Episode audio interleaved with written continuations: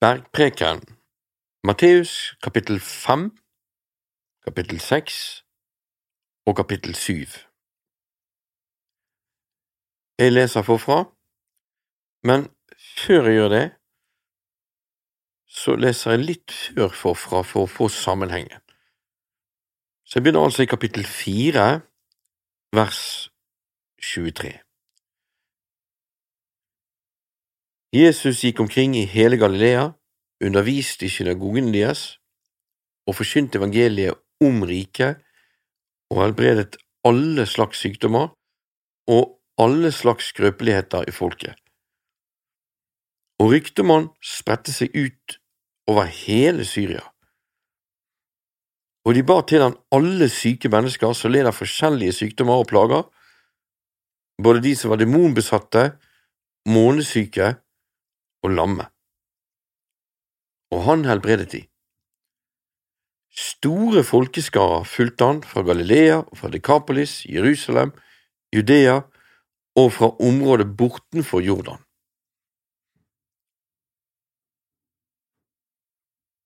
Da han så folkemengdene, gikk han opp i fjellet, og da han hadde satt seg, kom disiplene hans til han. Han åpnet sin munn for å tale, lærte de og sa. Salige er de fattige ånden, for himmelens rike deres. Salige de som sørger, for de skal bli trøstet. Salige er de ydmyke, for de skal arve jorden. Salige de som hungrer og tørster etter rettferdigheten, for de skal bli mettet. Salige de barmhjertige, for de skal få barmhjertighet. Salig de rene av hjerte, for de skal se Gud. Salig de som skaper fred, for de skal kalles Guds barn. Salig de som blir forfulgt for rettferdighetens skyld, for himmelens rike deres.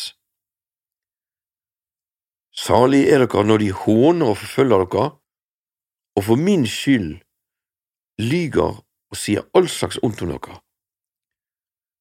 Fry dere og juble i glede, for stor er deres lønn i himmelen, slik forfulgte de profetene som var før dere.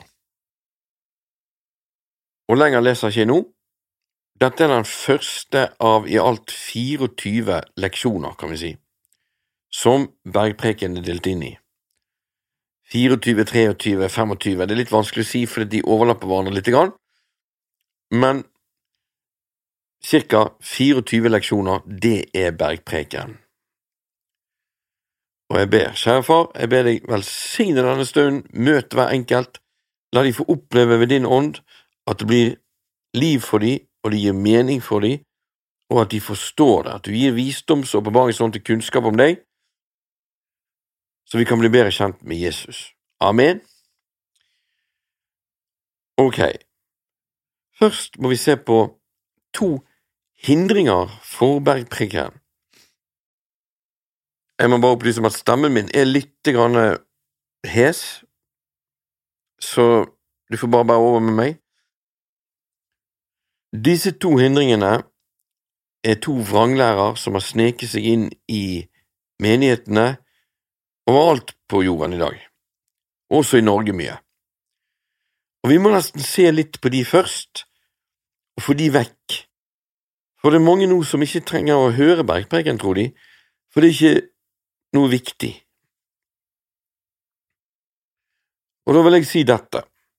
Et godt tre kan ikke bære dårlig frukt, og et dårlig tre kan heller ikke bære god frukt. Hvert tre som ikke bærer god frukt, blir hogd ned og kastet på ilden, derfor skal dere kjenne de på fruktene, ok? Og treet her tror jeg er Kristus, og når du er født på ny, så er du plantet inn i det treet, og når Gud virker gjennom deg, Kristus i deg, da blir det frukt, men når det er skjød, da blir det ikke det. Da er det det andre treet. Og det er nå engang sånn at hvis fiender sneker inn ting blant de troende som gjør at ting ikke går sånn som Gud vil, da blir det dårlig frukt ut av det, og det er jo det vi har i dag. Vi har lunkenhet. Det sies at det skjer mye bra rundt omkring, Men det gjør det ikke. Det skjer veldig, veldig lite i forhold til hva Gud ønsker, kanskje en bitte liten promille. Og det er jo derfor vi må høre de gode nyhetene, for det, det gjør at vi omvender oss, og så kommer Gud til, og så blir det det vi kaller vekkelse, men som Bibelen kaller evangeliet. Istedenfor at det blir et annet evangelium, som Bibelen sier man skal vokte seg for, men det trenger ikke vi vokte oss for, for vi har på en måte allerede havnet inn i det. Vi må finne veien ut av det igjen, finne tilbake til sporet, til sannheten, til kongeveien. Og i den forbindelse er det to vranglærere i forbindelse med bergpreken. Det ene er det at vi skal ikke gjøre bergpreken, det er ikke det Gud mener der. For ingen klarer det, og det vet Gud òg, og meningen med bergprekken er at du skal innse at du klarer det ikke. Støttet med en tanke om at ja, men hvis vi skal gjøre bergprekken, da blir det på en måte loven om igjen. Og det andre går på dette med at det der var før korset, så vi trenger ikke tenke på det lenger, fordi at alt som kom før korset, det var til jødene, men så har jo vi brevene, og det er det vi skal tenke på, og så videre. La oss se på den første først. Dette er litt skummelt, fordi at hvis det er sant, ok, greit, men hvis det er feil, så får det alvorlige konsekvenser. Og det er feil. Det kan selvfølgelig jeg bare tilbakevise med ordet, for ordet er øverste autoritet, så ordet må avsløre et eller annet sted at det er løgn. Og det må være mer logisk, det ordet sier, enn løgn. Eneste måten å tilbakevise den på. Men jeg, som mange, er kalt ikke bare til å forkynne evangeliet, men også til å forsvare det. Så la oss se på den første først. At det ikke er meningen vi skal klare det, det er meningen at vi skal innse at det går ikke. I så fall blir det egenkraft, og det er ikke Gud, og i verste fall loviskhet, at det blir på en måte loven enda mer. Ja, det blir det jo hvis vi må gjøre det for å være god nok. Men vi som er født på ny, vi er jo gode nok. Skal vi da ikke gjøre noe som god nok? Jo, det skal vi. Og det tredje vil si rundt dette, det er det at bergpreken er faktisk helt eksepsjonell. Det betyr at det er noe Jesus sier om den som han sier ingen andre steder, som går på veien til himmelen. Så den er uhyre viktig. Men altså, vi ser på den første først. Hvis vi går til slutten av bergpreken, så får vi vite en hemmelighet der. Kapittel 7, vers 24. Derfor Vær den som hører disse mine ord og gjør etter de. Han vil jeg sammenligne med en klok mann som bygde huset sitt på fjell. Disse hans ord er bergpreken. De begynner i kapittel fem. Denne talen begynner i kapittel fem, vers én, og varer til og med kapittel syv. Og her er det sånn, vær den som hører disse mine ord, og gjør etter de. Og lenger nede her, og vær den som hører disse mine ord, og ikke gjør etter de. Da blir det hus på sandgrunn, og det faller når stormen kommer, og det faller stort, sant? Og hvis det er sant, så er det en katastrofe hvis det er blitt sånn at kristne tror ikke de skal gjøre bergpreken, for da har jo Satan lurt de til å bygge huset på sandgrunn. Og jeg vet om pastorer som har bygget huset her på sandgrunn, og som til og med forkynner det der vranglæregreiene. Men det som går igjen med de alle, både pastorene og de som ikke er pastorer, det er det at de faller. Og fallet er stort. Tusenvis av kristne i Norge er innunder denne vranglæren, og bryr seg derfor ikke om å etterstreve og handle på bergpreken. For en tragedie! Og mange av de menighetskonfliktene og ting man har i menigheter, Guds ord forkynnes, og det er liksom liksom øverste autoritet, men når det kommer til stykket, så merker du en karakter hos ledere og pastorer og evangelister og profeter som er forferdelig. Guds ord betyr plutselig ingenting. Og det er snakk om verdens metoder. Det er på en måte Ville Vesten der ute, blant oss. Folk blir frøset ut og behandlet dårlig og baktalt, og det er mye tekkeligheten, osv. Og grunnen er at djevelen har lurt oss, sneket inn løgn. Hvis det var sånn at man ikke skulle handle etter bergpreken, ja, så hadde jo Jesus måttet være en løgner. For da hadde han sagt at vi skal gjøre sånn og sånn, og så går ikke det an å gjøre det egentlig. Det er lureri, han driver og lurer oss. Nei, sånn er ikke Jesus. Og han til og med understreker det, derfor hver den som hører disse mine ord og gjør etter de, skal vi da overstyre det og komme med noe over der og si at nei, dette er, ikke, det er feil, det går ikke an å gjøre det, og vi må for all del ikke gjøre det, for da blir det egenkraft. Dette ordet egenkraft, hvem har funnet på det tullet der? Har Bibelen noe poeng med det? Utdyper Bibelen at det må for all del ikke være egenkraft? Nei, den gjør jo ikke det. Når disiplene rodde i ni timer til andre siden og kom ikke frem på grunn av uværet engang, og når de rodde der, var det i egen kraft. Når de delte ut mat til folket, var det egen kraft, eller fikk de sånn overnaturlig kraft til å dele Altså, egenkraft eller ikke egenkraft, Bibelen gjør ingen poeng ut av det i det hele tatt. Gjør det, sier Bibelen, punktum ferdig. Men jo da, det er en sannhet at når du handler på Bergpreken, så møter du deg sjøl litt i døren, absolutt, du kommer gjerne til kort, og du merker forskjell på skjød og ikke skjød, og du merker enden på deg og begynnelsen på deg i Kristus, du merker at du trenger nåde, og det er meningen du skal merke det. Så vi har altså en haug med umodne kristne som driver og har stridigheter videre, fordi vi ennå er kjødelige. Og grunnen er det at vi har ikke fått uforfalskede åndelige melk, som vi da må selvfølgelig ha.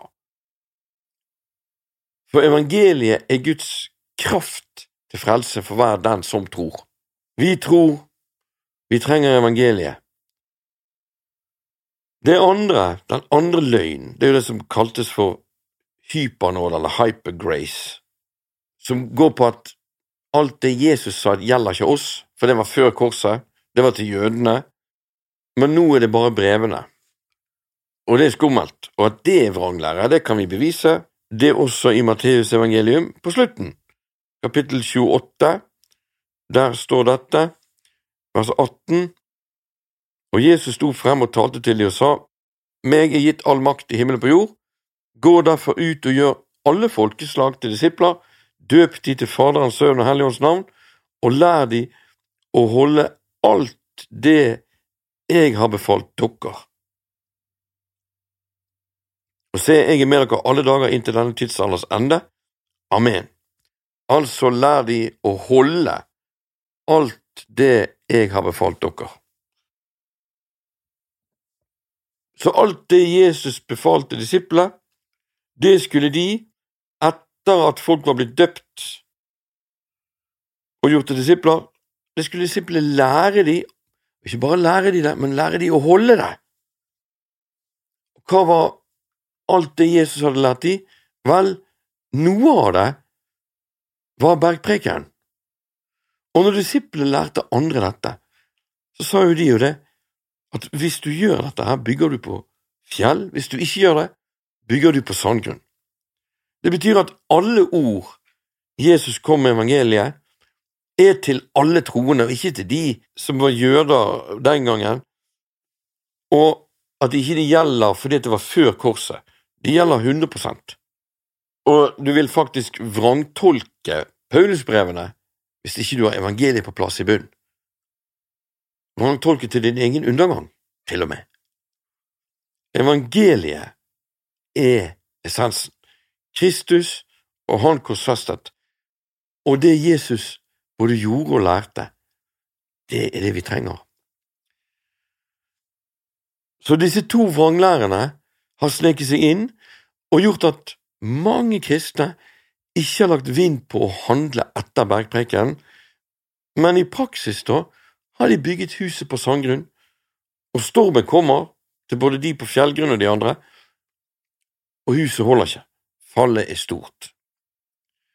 Det skal vi rette opp i nå, og forhåpentligvis har du hørt dette før, men hvis det er noe du ikke har hørt før, så vil det være radikalt for deg mye, men Gud vil også møte deg på det. Og hvis du har hørt det før og handlet på det, amen, da vil du bli styrket i det du allerede tror på. Ok? Det er noe mer vi må si, fordi at det er faktisk sånn at veldig mange kristne de lengter etter å bli kjent med Gud, og de lengter etter å få vite kallet sitt. Men vil du vite hva du er kalt til, følg Jesus. Matteus, Markus, Lukas og Johannes er det du er kalt til. Og ikke minst bergpreken.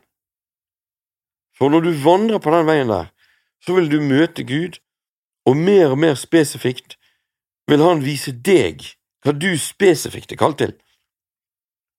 Men du må først handle på det generelle kallet før du kommer inn i det individuelle. Og så vil jeg si det at mange har jo gått bibelskole eller noen, men om du har det eller ikke har det, Bergpreken er selveste bibelskolen. Det er noe av det viktigste du kan få inn og leve etter. Det er faktisk det eneste stedet der det garanteres at du blir kjent med Jesus, om du og når du handler på det.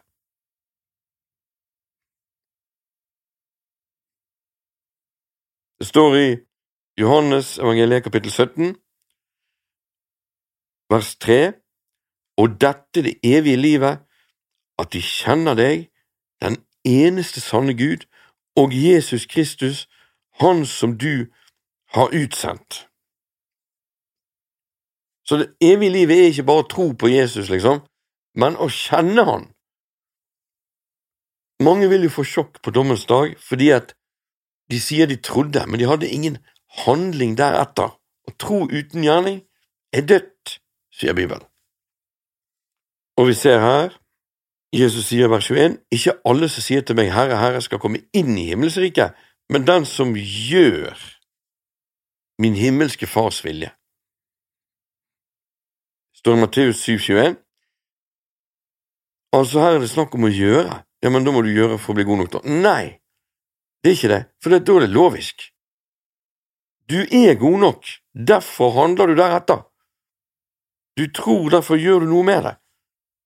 Jesus sier videre mange skal si til meg på den dag, Herre, Herre, har ikke vi profetert i ditt navn, drevet ut demoner i ditt navn og gjort mange kraftige i ditt navn? Men da skal jeg bekjenne for de, jeg har aldri kjent dere, gå bort fra meg dere som driver med lovløshet. Aldri kjent de. La oss si han frelste de, og de trodde på han, de kom til tro.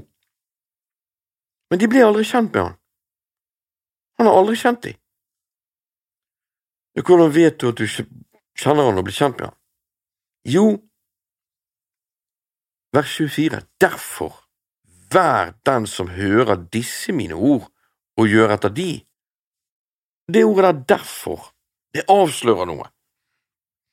Verset før, jeg har aldri kjent dere, gå bort fra meg, dere som driver med lovløshet. Derfor, vær den som hører disse mine ord og gjør etter de.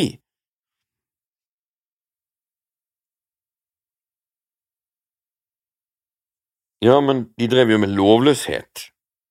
Og lovløshet, det er jo sånn at du er kriminell, gjerne, sant, du, du er lovløs. Nei, tenk at det er ikke det. Lovløshet det ordet der, det er et gresk ord. Ammonia, tror jeg. Anomia, en av de to.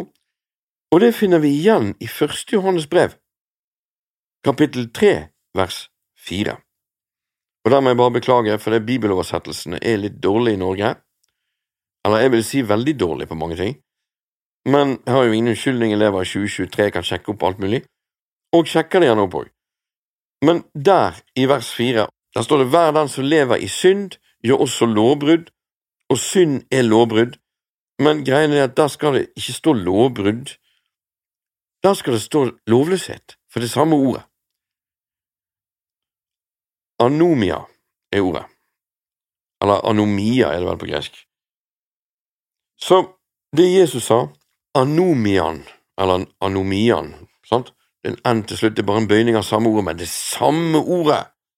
Og da vet vi det, at hver den som lever i synd, gjør også lovløshet, og synd er lovløshet. Og når vi da går tilbake igjen til bergpreken, men da skal jeg bekjenne for dem, jeg har aldri kjent dere gå bort fra meg, dere som driver med lovløshet. Og hva er lovløsheten? Jo, de har ikke bergpreken som standard. Dermed sårer de andre, trakker på andre, har en egen standard på ting som Gud kaller synd, som de kaller kristelig, kanskje, men det er likevel synd. Altså er det ekstremt essensielt at en ikke bare hører bergpreken, men òg handler på han. For hvis Satan klarer å stjele det fra deg, så klarer han å stjele fra deg å bli kjent med Jesus. Du kommer til å falle. Han bestiller dermed et fall som kommer til å komme. Så glem den store løgnen om at dette ikke er meningen vi skal gjøre. Det er for at vi skal innse at vi ikke klarer det, det er bare løgn. Og glem den andre løgnen om at det var før korset, og da gjelder ikke det oss. Sannheten er det som Jesus sier. Og han sier dette, ikke alle som sier til meg Herre, Herre, skal komme inn i himmelsriket, men den som gjør min himmelske Fars vilje. Mange skal si til meg på den dag, Herre, Herre, har vi ikke profetert i ditt navn, drevet ut demoner i ditt navn og gjort mange kraftige gjerninger i ditt navn? Men da skal jeg bekjenne for dem, jeg har aldri kjent dere. Gå bort fra meg, dere som driver med lovløshet. Derfor, vær den som hører disse mine ord, og gjør etter de. Han vil jeg sammenligne med en klok mann som bygde huset sitt på fjell. Så disse hans ord er veien til å bygge det på fjell og til å bli kjent med Han. Så er det noen som tippet over en annen grøft, sant, og tenkte at de som profeterer og driver ut demoner og kraftige gjerninger, det er de som Jesus ikke kjenner. Men det blir feil.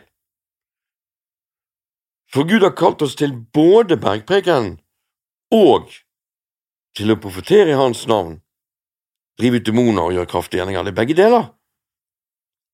Men disse har bare gjort den ene delen, og dermed mener de at de kjenner han. Men i praksis levde de på en kjip, ond måte som trakket andre mennesker ned. De lever i lovløshet, ikke levde i det, men lever i det.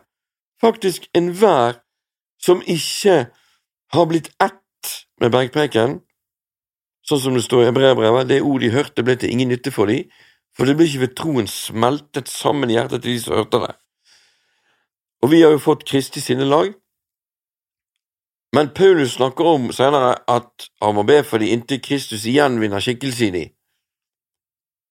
Kristus i de. Så når du er sammensmeltet med ordene i bergpreken, det er en del av karakteren din, det er en del av deg, det er en del av livet ditt, og så du profeterer og driver ut demoner og gjør kraftgjerninger. Amen. Men i dag det har vært sjokkerende til tider, og det er sjokkerende. Som sagt, jeg vet om pastorer som på ingen måte har bergpreken på plass i livet sitt.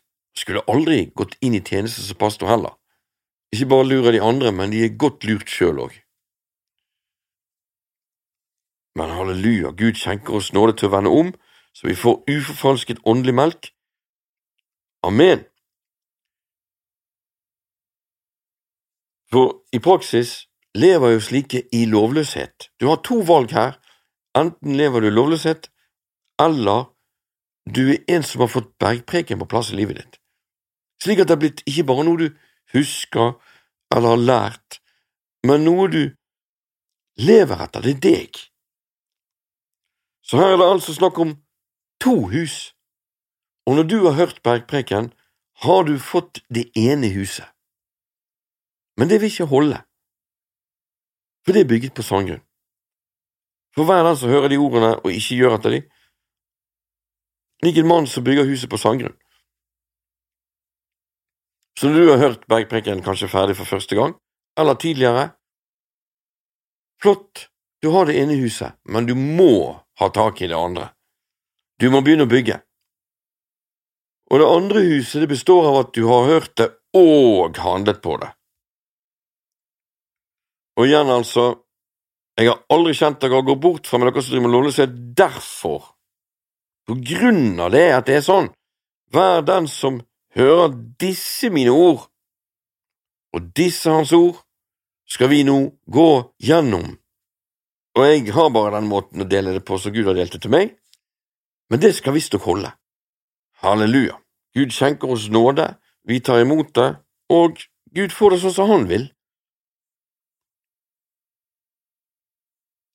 Så la oss da gå til begynnelsen igjen, Matteus kapittel 5, vers 1. Da han så folkemengdene, vet vi, her var det jo folkeskarer, ikke bare en skare altså, men skarer. Galileaskaret, Dekapolis, Jerusalem, Judea og hele Syria, sånn, har du hørt om han. Og det er klart, når denne som helbreder alle tre typene, altså vi snakker her om alle slags sykdommer, her står det jo demonbesatte, det er det åndelige, sant, månesyke Det er der ordet lunatic kommer fra. Det går på sjelisk syke, sant? psykisk syk. Og lamme, det går på fysisk. Og det er klart at når han åpner munnen, vil jo alle høre på hva han har å si. Her er en mann som helbreder alt og alle, og nå går han opp i fjellet. Og det er litt sånn underlig, hvorfor står det her at kom disiplene hans til han? Hvorfor ikke alle de andre? For det, i slutten av den preken så avslutter han talen foran hele folket, liksom. Var det sånn da at da kom alle de andre opp på fjellet òg? Nei, det er jo veldig enkelt og logisk, for det her er jo tusener av folk. Og han har betjent de, og han går opp i fjellet, setter seg, som Jesus pleide å gjøre, han pleide å sitte, han han underviste. Også i båten, han sto ikke og holdt seg i masten, liksom, nei, han satt i båten. Så det er jo naturlig at de som er nærmest han, altså disiplene, da, de følger etter opp, men når han da taler, taler han utover til hele folket, og han begynner da med det som jeg kaller første leksjon, og det som blir kalt saligprisningene. Nå er det sånn at disse må du få inn, for uten at du drilles i disse ni saligprisningene, så har ikke du sjans til å handle på det andre som Jesus kommer med i bergpreken. Du må ha disse med deg. Og du vil merke det at det klarer du kanskje ikke, så du møter veggen et stykke uti der, og må tilbake igjen til de ni. Det er sånn at Gud hele tiden sender deg tilbake til de ni inntil de ni sitter. Og når de sitter, da vil du faktisk kunne gå gjennom hele bergpreken, selvfølgelig ved Guds nåde, men det vil fungere. Og nå snakker jeg ikke om å lese det, altså jeg snakker om å handle på det. Du vil også merke det at når du leser bergpreken, med den rette innstillingen, som jeg har delt til deg nå hva er for noe, så vil du merke at det tar ikke lang tid fra du går med på noe, til Gud faktisk tester det på det, eller la deg få lov å prøve deg. Men disse ni vil Gud gi deg som noe du skal ha med deg som en ressurs, en mektig velsignelse. Så la oss begynne med de. Det er altså første del, saligprisningene. Og det står her i vers to, han åpnet sin munn for å tale, lærte de og sa, salig, som betyr altså velsignelse, betyr på en måte at det er litt ekstra nåde fra Gud her nå. Så du har nåde fra Gud, alle har jo det fordi de er mennesker på jorden, men så er du født på ny. Ja, da er du enda mer nåde, da er du i nåden hele tiden. Men hvis du er salig, da blir du ekstra velsignet fra Gud. Salige er de fattige ånden, for himmelens rike er deres. Og fattig ånden, hva betyr det? Ikke det om å gjøre å rik i ånden og fylt med ånden? Jo, men ikke hvis det er din egen ånd, livsånden som alle har, sant? Så hvis Gud tar den tilbake, så dør du. Og hvordan kan man være rik i den, da, på en måte? Jo, det er på en måte det innerste i deg, selve. Salig som er fattig i seg selv, står det i noen bibeloversettelser der. Og hvordan blir man fattig i seg selv? Du vet, du vil jo berike deg hver dag, du vil se TV kanskje, du vil oppleve ting, du vil ha fineste ferie, fineste bil, du vil ha mest mulig. Men det er jo veien til helvete for kristne, det, å tenke sånn. Så om du har opplevd veldig mye og reist mye, og du har masse penger, og du er velstående, og du har eh, masse venner, og du forteller på Facebook om de store, lykke, store lykkene dine og de store bragene dine, ja, da er du ganske rik i deg sjøl. Og du vil merke det at skal du da få kontakt med Gud, så må du ligge på kne en god stund og gi fra deg alt det der, for det sniker seg inn som avguder, av det meste ut av det. Så det betyr at det ikke er noe galt i å være velstående og så videre, eller være på Facebook heller, for den saks skyld, men hvis det har blitt en greie ut av det Jeg merker i hvert fall det, skal lite til før jeg blir rik i meg sjøl. Hvis noen har vært veldig greie med meg eller sånn, og jeg blir veldig glad for det, så tar det lengre tid kanskje på kne, for nå har jeg noe. Eller jeg skal noe spennende nå i morgen, tenker på det hele tiden, som en unge sant, dagen før julaften, og det er jo da å komme til det her nullpunktet der du kjenner du er fattig i deg sjøl. Dette vi snakker om nå, er veldig spesielt og viktig for oss å høre, faktisk. For det, står i Bibelen, i åpenbaringen, om de syv menighetene, sant? Og den ene er fattig, naken og blind. Tenk hvis du gikk på gaten og møtte en som var fattig, naken og blind. Det ville vært unormalt hvis han var naken, men da sier han var fattig og blind, da. Det kan skje at du ser noen se det. Men at han er blind i, nei, unnskyld, naken i tillegg, da er det en politisak, sant, da må vi løse dette. Men hvis han er fattig, naken og blind og vet det ikke sjøl, da er det jo psykiatrisk neste. Og det er jo skummelt da, når det er det som blir sagt i åpenbaringen, at en syvendedel av menigheten er fattig, naken og blind og vet det ikke sjøl. Det er der krisen kommer inn, og ikke de vet det sjøl. Laudikea-menigheten, det er den som minner mest om tilstanden vi har i dag. Og det er en enorm forskjell på en som er fattig, naken og blind og vet det sjøl, og en som ikke vet det sjøl. For vet du det sjøl, ok, du er fattig i, ånden, du søker Gud deretter, men har du mange avguder i hjertet ditt, tittelen din, karrieren din, huset ditt, bilen din, feriene dine, vennene dine, alt du kan skryte av på Facebook, all suksessen din, vel, du må ligge der desto lenger på kne og vente på Gud. Kanskje du må gi fra deg ting fysisk òg, ikke bare i hjertet ditt. Hvem vet? Kanskje du har gjort som de fleste, at du har lånt deg opp til pipen, holdt jeg på å si, for å få det best mulige huset, best mulige bilen, og nå må du slave for å betale, sant? Og du er egentlig en kristen på vei til helvete. Er ikke det litt radikalt å si det? Nei, det er jo ikke det, for det er jo det Bibelen sier. Filipperne kapittel tre der står det at hvis du lever som en vanlig norsk kristen i dag, så er du på vei til helvete. Kapittel 3, altså, vers 18 i Filippabrevet. For som jeg ofte har fortalt dere, og som jeg nå gråtende forteller dere igjen, mange vandrer som fiender av Kristi kors. Deres mål er fortapelsen, deres Gud er buken, De setter sin ære i sin skam, og de tenker bare på de ting som hører jordelivet til. Men vårt borgerskap er i himmel, og derfor venter vi også stadig på Frelseren Herre Jesus Kristus. Ok, hvordan kan jeg da si det? Jo, gråtende forteller Paulus dette her. Han sier ikke at det er noen, han sier mange vandrer som fiender av Kristi kors. Mange. Ja, hvem er de, da? Hva er det de gjør som gjenkjenner, altså kjennetegner det? Det får ikke vi vite i vers 19, til å begynne med det, for der står det deres mål er fortapelse. Vi får vite noe mer om de. Ikke det at de sikter inn på fortapelse, men det er dit de kommer til å havne.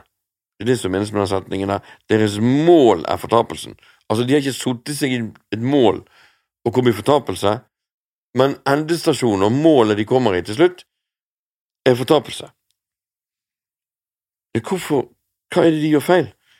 Det får vi ikke vite i verset etterpå heller, vi får bare vite noe mer om de. Deres Gud er buken, altså magen.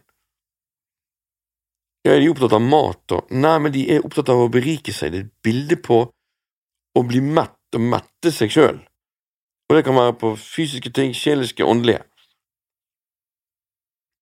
Ja, hva er det, hva er det disse her gjør feil, da? Det får ikke vi vite i neste vers heller. Vi får bare vite noe enda mer om dem, at de setter sin ære i sin skam. Så de har en skam, altså. Hva er skammen, og hva er det de gjør feil? Ja, Vi får vite litt mer at de setter sin ære i skammen, til og med. Det som egentlig er en skam, det priser de seg. De, de, det er en ære for dem. Så forført er de, sant? Og så får vi vite hva det er de gjør feil. De tenker bare på de ting som hører jordelivet til. Og da snakker vi om de fleste kristne du møter på i dag, hvis du snakker med dine brødre og søstre i Kristus. De går på møte om søndagen, kanskje, men ellers har ikke de tid, verken om morgenen, de må gå rett på jobb, og det er viktig, og det er voldsomt viktig å holde tider og klokkeslett og avtaler, for det er jobb, det er mammon. Og det er voldsomt viktig å betale ned gjeld, og det er voldsomt viktig i disse vanskelige tider, i hvert fall. Og de etterstreber og De kommer hjem fra jobb, sant, og da er det litt sånn slappe av, og de må se litt TV, spise middag, se nyheter, og så er det litt tid med barna. Og det er altså ingen tid til Gud. De er bare opptatt av det som hører jordelivet til. Ja, da er målet fortapelsen, står det her.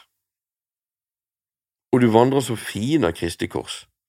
Det er jo klart du gjør, for det at egentlig så skulle du vært disippelgjort og hatt åndskraftsbevis og forsynt evangeliet til alt og alle, i tillegg til jobb. Bibelen sier velg gjerne det lave, du valgte det høye istedenfor, og det koster deg dyrt. Jeg vet om folk som kjøpte et rimeligere hus for å få mer tid med Gud. Jeg vet om folk som kjøpte Volvo istedenfor BMW på grunn av Jesus. Og hvis du først innser dette nå, at du har blitt smittet av eiesyken I noen bibler står det havesyke. Ta dere i vare for havesyke, sa Jesus. han. Og Noen har til og med trodd at det handler om å være opptatt av hagen hagesyke. Men nok om det. Uansett, eiesyke tar dere i vare for den sykdom, altså, med andre ord. Og der man, kaller man da Jesus Herre, Herre, men ikke gjør det han sier, sant? Da er det skummelt. Og der har veldig mange kristne havnet. Og det er med tårer Paulus sier dette til dem. Han gråter når han sier det, og han har sagt det ofte til dem, for som jeg ofte har fortalt dere, og som jeg nå gråtende forteller dere igjen, mange vandrer som fiender Kristi kors. Deres mål er fortapelse. Deres Gud i buken, de setter sin lit, eller unnskyld, de setter sin ære i sin skam, og de tenker bare på de ting som hører jordelivet til. Si meg, snakker ikke vi da om de fleste kristne i dag? Men Gud er nådig, skjenker oss nåde til å omvende oss, komme på rett sporet, inn på kongeveien, tilbake til den.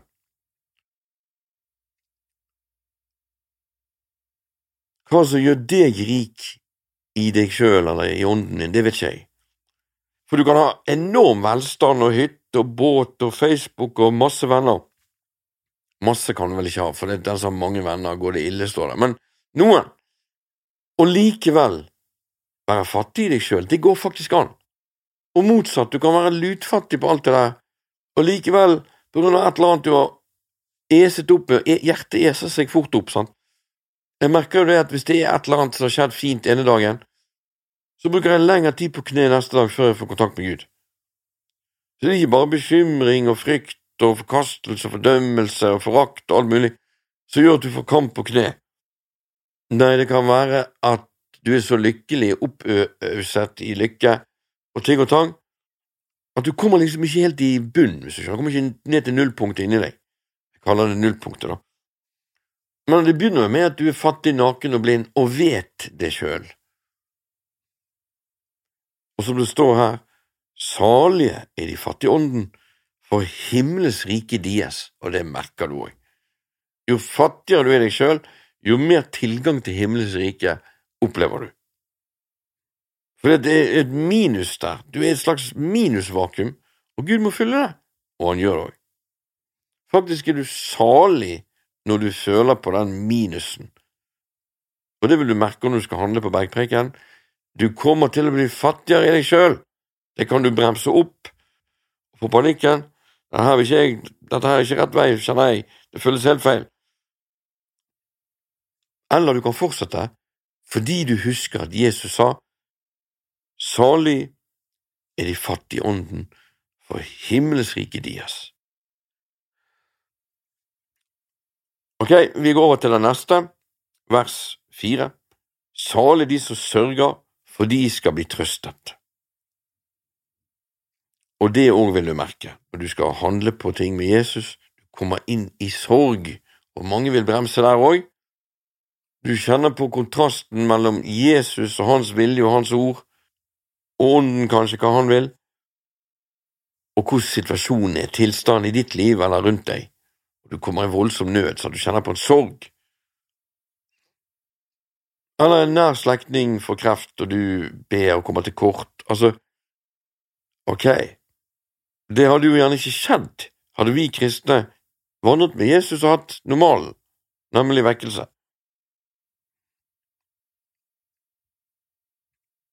Men mye av skjoldet virker som det ligger nede, og som jeg sa til en pastor for mange år siden, det virker som menigheten ligger 80 i ruiner, 70 sa jeg vel til han, og han var veldig uenig. Han mente at det står mye bedre til enn som så, og det var på 90-tallet. Jeg skulle jo sagt til han 99,999, og det er jo ikke noe særlig forskjell i dag, er det det? Nope, det er til og med verre. Så vi må ha 99,99999, fordi at enda færre kristne er det, og enda mer lunkne kristne blitt. Men halleluja, som sagt, Gud gir oss nåde, vi vender om, og vi kommer der vi skal. Halleluja, takk, Jesus. Men du må pent gå med på å sørge, og det vil du merke, du trenger ikke prøve å sørge, altså. Du vil merke at du kjenner på ting i bønn, du kjenner sorg der, og så videre. Går du med Jesus ekte, vil tårene komme. Og det kan være sorg uten tårer, altså ikke det. Men salig de som sørger, for de skal bli trøstet. Og det å oppleve den trøsten, den vil ikke du oppleve med mindre du er en som sørger. Salig de fattige i ånden. Ja, men hvorfor er de salige? Jo, for himmelens rike deres. Salig de som sørger, og grunnen, jo, for at de skal bli trøstet. Og de gangene Gud har trøstet meg, ville ikke vært de foruten. Heller den sorgen og den trøsten enn ingen av delene. Det handler jo om å kjenne Jesus her. Jeg kjenner Jesus på trøst. Halleluja. Takk Gud for det. Og det vil du òg gjøre. Eller du gjør det. Salig de ydmyke, for de skal arve jorden. Ordet ydmyke der sto det tidligere i Bibelen sto det saktmodige. Samme ord som når Jesus står som er kongenes konge. Han kom jo ikke på en bærestol inn i Jerusalem, sant? og heller ikke på en hvit hest, men på et esel. Han kunne tatt han ut med noe større, men han gikk for noe lavere. Han valgte noe lavere sjøl. Vi ser det samme med Moses. Sant? Han kunne jo gått for å være farao, men han valgte noe langt lavere. Det fantes ingen som var så saktmodig på jorden som han. Nå var det jo Moses sjøl som skrev akkurat det, da, om seg sjøl, og det kan jo virke veldig stolt, men faktisk er det veldig ydmykt, fordi at Moses var jo lydig, derfor skrev han det, fordi Gud ville han skulle skrive det. Uansett, du tar han ikke helt ut, sant, du velger noe lavere med vilje. Som jeg sa i sted, du velger Volvo istedenfor BMW. For eksempel. Du velger mindre hus, billigere hus, mindre lån, mindre arbeid. Her gjelder det å være vis, kjøpe den laglige tid, for dagene er onde, som Bibelen sier. Men hvorfor er du salig hvis du er ydmyk? Jo, for de skal arve jorden. Og her er ikke det at de har arvet jorden, men de skal. Ja, ny himmel og ny jord Nei, jeg tror det er før det. Liksom jeg tror at vers 3 der, himmelens rike dies, ikke skal bli dies en gang i fremtiden, altså, men det er det allerede. Og desto mer, jo mer du er fattig i deg sjøl, vil du merke, sant? Og den trøsten, den skjer jo underveis her på jorden, og selvfølgelig 100% når du kommer til himmelen. Og arvingen av jorden skjer òg her, på jorden, både nå og da. Så du velger et mindre hus, men Gud velsigner deg i tillegg med en mektig hytte, altså hva vet du? Men han gjør det. Du merker det. Så disse tre første er jo minus alle tre, fattig i seg sjøl eller ånden, sant? Sørging, ydmykhet, men de de er salige, da er du salig. De tre neste er ikke direkte minus, men mer utad fremad, kan vi si. Salig de som hungrer og tørster etter rettferdigheten, for de skal bli mettet. Nå har jeg opplevd hunger litt i livet, og tørst har jeg opplevd mye. Vært ekstremt tørstig. Det er forferdelig.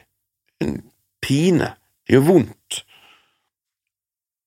Når jeg var liten, løp og lekte og måtte hjem og drikke, virkelig bare drikke, drikke, drikke. Altså, det var så ekstremt tørst, husker jeg, om sommeren av og til. Når jeg var ute, og så måtte jeg løpe hele veien hjem for å drikke noe eller på skolen med vannfontenen, sant? men også når jeg har gått i fjellet i voksen alder og ikke funnet vann noe sted. Det har vært av og til litt tøft. Men det å stadig gå og tørste, nei takk. For ikke å snakke om å sulte. Det, for meg eh, går det ofte over til en smerte nede i magen. Hvis jeg skal liksom føle meg veldig sulten, da må jeg ha spist mye fire-fem dager, og så sjette dagen ingenting plutselig. sant? Da kan jeg kjenne at jeg blir veldig sulten. Men jeg er glad jeg lever i Norge. Når det gjelder mat og det fysiske, sant, flott, men når det gjelder det åndelige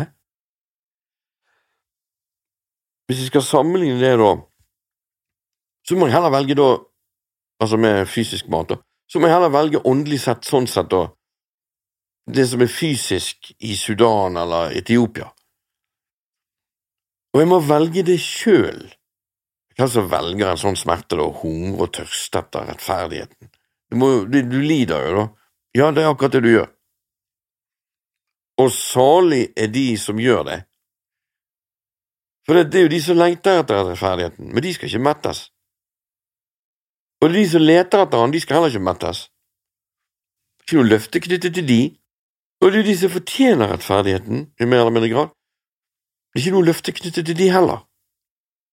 Men de som utsetter seg for å leve sånn der at de hungrer og tørster etter rettferdigheten, de er salige.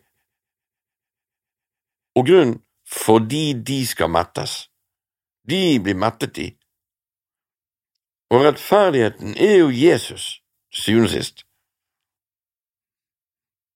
Men òg rettferdigheten på alle ting, kan vi si.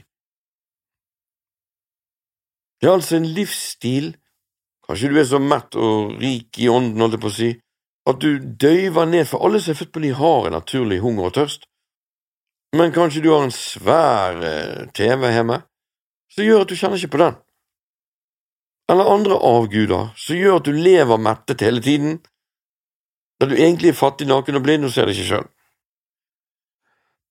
Eller du er jevntlig i ordet og på kne, og du har fått vekk alt sånt der, og du kjenner på en hunger og en tørst stadig vekk.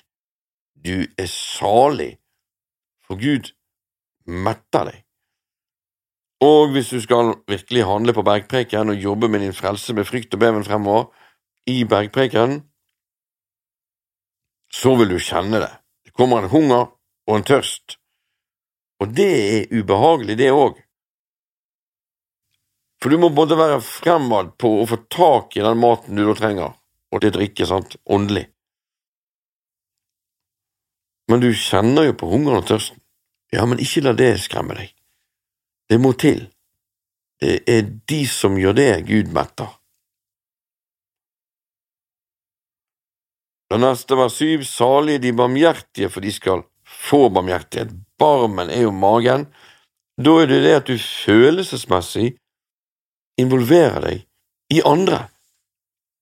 At du identifiserer deg med de, ikke bare sympati der du kan se at de er lei seg og sånn, men empati, at uten at de er til stede, til og med.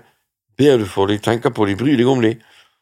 Og du går med på at litt sånn deres problemer er dine problemer. Og det må løses.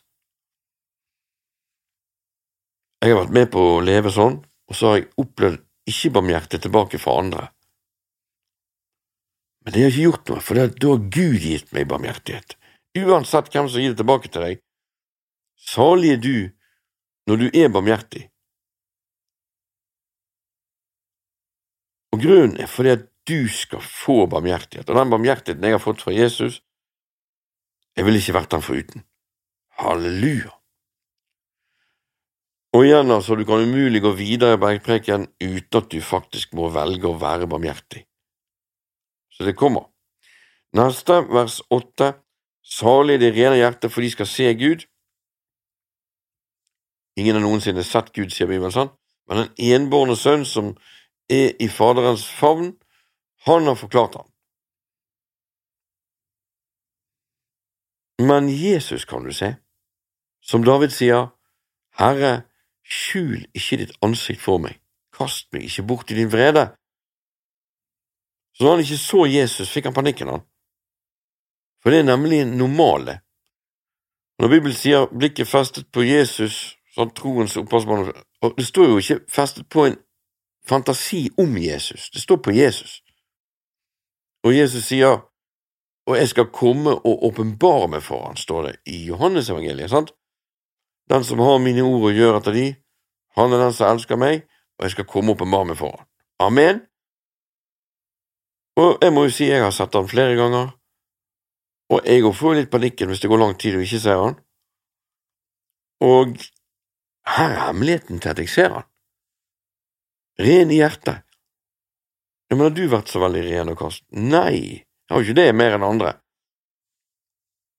Men Jesu blod, som renser for all synd. Jeg har latt Gud rense meg mange ganger. Og da ser jeg han igjen. For det står jo det at dersom vi vandrer i lyset liksom Han er lys, da har vi samfunn med hverandre, og Jesu Kristi Guds blod renser oss for for all synd, for all synd. Men du finner ikke de der eh, som er litt aleine på sidelinjen. Nei, dersom vi vandrer i lys, har vi samfunn med hverandre, og da menes det ikke møtegåing. Samfunn, da er det ekte, åpent hjerte til hjerte. Du kan ikke gå med Gud ekte og vandre i lyset, liksom han lys, uten at du har samfunn med hverandre. Mange kristne er lurt der også, de sitter på møter, og de har ikke samfunn med noen ellers. Det er lureri. Det må være ekte samfunn. Hjerte til hjerte, åpent, ærlig. Da skjer det at Jesu Kristi blod, som renser oss, sånn, Jesu Kristi blod renser oss for all synd. Og med meg er det sånn, jeg går på kne, og Gud peker på ting, og jeg gir det fra meg, og jeg bekjenner ting, og kanskje jeg har avguder, jeg òg, sant, hatt. Og på et eller annet tidspunkt er det ikke mer og jeg venter på han, og så merker jeg han. Så åpenbarer han seg for meg. Fordi at jeg har hans ord og gjør etter de, som er definisjonen hans på at jeg elsker han, og han kommer da å åpenbare seg for meg. Han er jo her hele tiden, ikke det, altså, men jammen er det fint å se Jesus. Når kongens ansikt lyser, er det liv og i hans velbehag er det senregn. Halleluja, står i ordspråkene. 15, tror jeg. Ok, nok om det. Salig de rene hjerter, for de skal se Gud. Halleluja. Salig de som skaper fred, for de skal kalles Guds barn. Altså, da må du skape den freden. Det er ikke fred her fra før at du skaper det, enten det er mellom deg og noen andre, men selvfølgelig ikke ved å gå utover hva du egentlig tror. Det er jo enkelte kristne har måttet svikte Jesus. Altså, jeg måtte svikte Jesus for å stifte fred med dem. Vike av fra hva jeg tror er Gud, og hva jeg vet er Gud, har jeg følt. Jeg må gå vekk fra Guds ord og tekkes de, altså si unnskyld enda det ikke var min feil. Da vil vi få fred. Sånt er ikke jeg med på. Det betyr kompromiss for fred. Glem det. Så langt det står til dere, står det. Ja, det står til meg så langt Jesus og Hans ord går, ikke noe annet, ikke utenfor. Det er ikke fred for enhver pris, det er Jesus for enhver pris. Men det er klart at står det til meg, selvfølgelig er jeg rask å ta kontakt og ønsker å ordne opp. Det er superviktig. Eller at det er andre som har konflikter, og du kan komme og skape fred ved at du taler vel om den ene til den andre, eller et eller annet sånt. Og da kalles du Guds barn hvor hen? Kanskje i himmelen, kanskje blant de ikke-troende, kanskje blant demonene. Men du er salig når du gjør det, og det blir talt om deg som Guds barn. Og det vil du faktisk merke òg. Vers 10 Salig er de som blir forfulgt for rettferdighetens skyld, for himmels rike deres. Salig er dere når de håner og forfølger dere og for min skyld lyger og sier all slags ondt om dere. Fry dere og juble i glede, for stor er deres lønn i himmelen, for slik forfulgte de profetene som var før dere. Det er altså de to siste, vers ti, de som blir forfulgt for rettferdighets skyld, og igjen altså himmelens rike dies. Hvem som forfølger det, kan være andre kristne. Det kan være familien din, slekten din, det kan være demoner, at du merker trykk på deg, og det er fordi at du har søkt å følge Gud og rettferdigheten. Da er du salig, og du merker himmel desto mer etter hvert. At himmelens rike er deres. Og den siste, som kommer med formaning om noe vi skal gjøre. Sant? Salig er dere når de håner og forfølger dere for min skyld lyger og sier all slags ondt om dere. Altså, her må det være all slags ondt. Ikke bare en, Tenk at de kan si noe sånt, liksom. Ja, men Jesus sa jo alle slags typer ondt. For her kommer det til å komme alle mulige varianter, sånn. Da er du salig. Fry dere og juble i glede, for stor er deres lønn i himmelen. For slik forfulgte de profetene som var før dere. Altså, det betyr at du er ekte, og du har handlet på noe ekte noe. Samme klasse og nivå som profetene. Men jeg tror at her må du handle, altså. Du må fryde deg og juble i glede for å utløse det. Jeg har vært med på at folk har ringt meg og ja, nå er det veldig tøft på jobben, og de baktaler meg, og og de virker som de går sammen mot meg, og eneste grunn er at jeg er kristen. Og den jobben det ser ikke ut som jeg får noen forfremmelse heller. Jeg har sagt ja, men har du jublet? Jublet? Ja, Jesus sier jo det. Han sier jo til og med Lukas, løp og spring av fryd, hopp og spring av fryd. Har du løpt og sprunget av fryd, har du jublet? Nei, nei vel, men da må du først handle på hans sine ord, ikke ringe meg og få trøst fra meg. Den personen, hvis han har det, og ringte meg opp seinere, og da var det amen, full fred, hadde handlet på det. Amen. Kristus hadde fått vunnet skikkelse i henne på det feltet der òg, på det området òg. Det kan godt være det at altså, andre kristne som ikke kjenner Gud så godt, de har jo en del kjødelige sider, kanskje, og det kan godt hende at Gud tillater at du opplever negativt gjennom de. Kanskje bare for å teste deg, eller for at det ord du hører, skal ved troen smelte sammen i hjertet ditt, slik at det blir til nytte for deg, slik at Kristi karakter blir dannet i deg, slik at Kristi sinnelag fungerer der det skal på det området òg. Kanskje etterpå kommer de og sier unnskyld, og dere blir venner igjen. Men du, du handlet på det. Du kan krysse av på det, og du gjorde det kanskje to, tre, fire ganger, og det ble en del av karakteren din. Kanskje derfor Gud tillot hele greien? Ikke det at han gjorde de sånn at de handlet etter sjøl, at Gud gjorde det sånn, men han tillot deres mangel på omvendelse på å ramme deg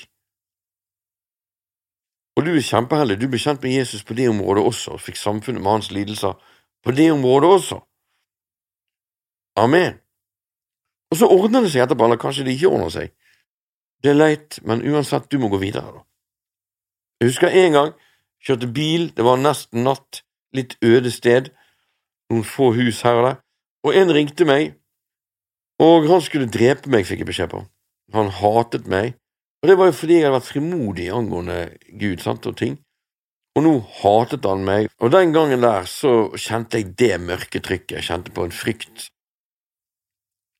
Og jeg kom på Jesus sine ord og kjørte inn til siden, gikk ut av bilen og løp bortover og hoppet og jublet. Trykket forsvant med en gang, og jeg hørte Guds røst. Gud talte til meg. Og det var det. Det problemet var vekk. Jeg kunne gått rundt og vært redd i dager, måneder, og uker. Men nei da, det tok ca. ti minutter, jeg er ferdig. Halleluja, for det er kraft i Guds ord.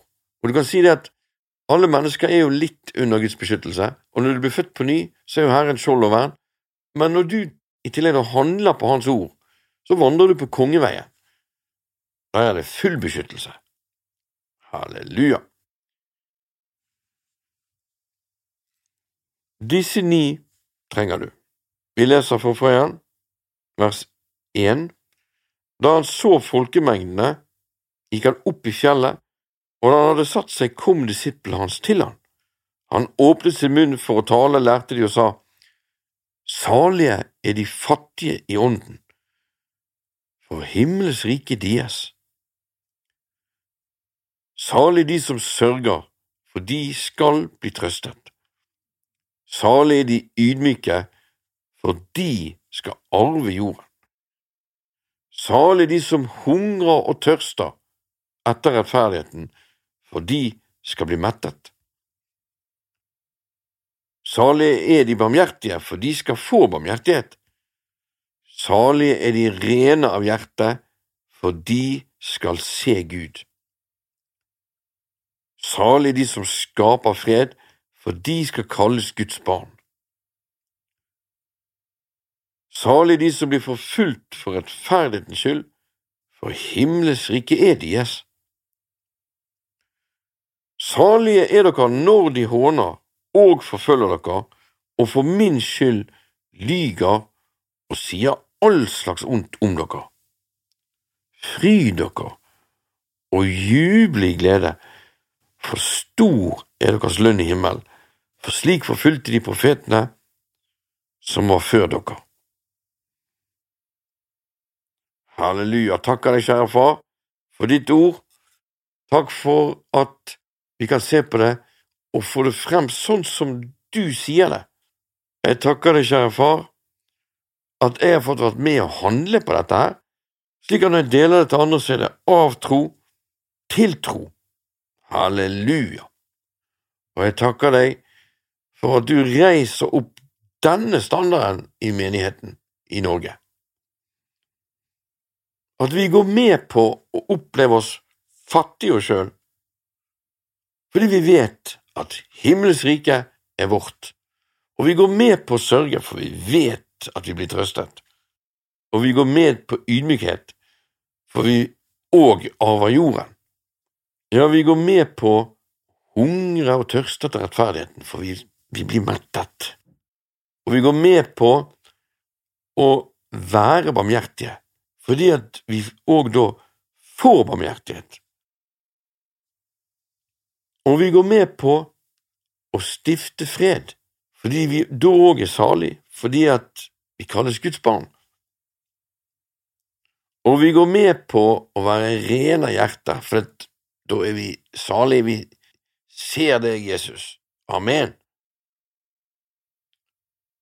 Og vi går med på å bli forfulgt for rettferdighetens skyld, og at Guds rike er da vårt, himmels rike er vårt.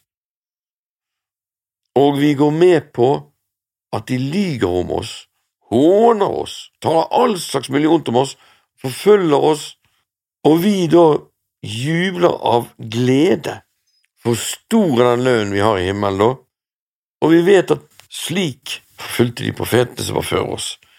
Og vi vet at under alt dette, når vi møter på dette, er vi salig, fordi at det skal løses ut med de løftene knyttet til deg som du, Herre Jesus, har sagt i disse saligprisningene. Amen. Og vi vet at vi bygger huset vårt på fjell da, og vi blir kjent med deg da, Jesus. Og jeg ber om at hver og en av oss skal få disse ni som en integrert del av livene våre, og at du hjelper oss å ha disse med når vi går videre i bergpreken neste gang og fremover. Halleluja! Og neste gang jeg prøver å ha noe annet hver dag, altså tre dager i uken, så det blir da to dager til. Gud velsigne deg i Jesu navn, og da går vi altså videre, selvfølgelig, neste gang. Takk, Jesus. Amen.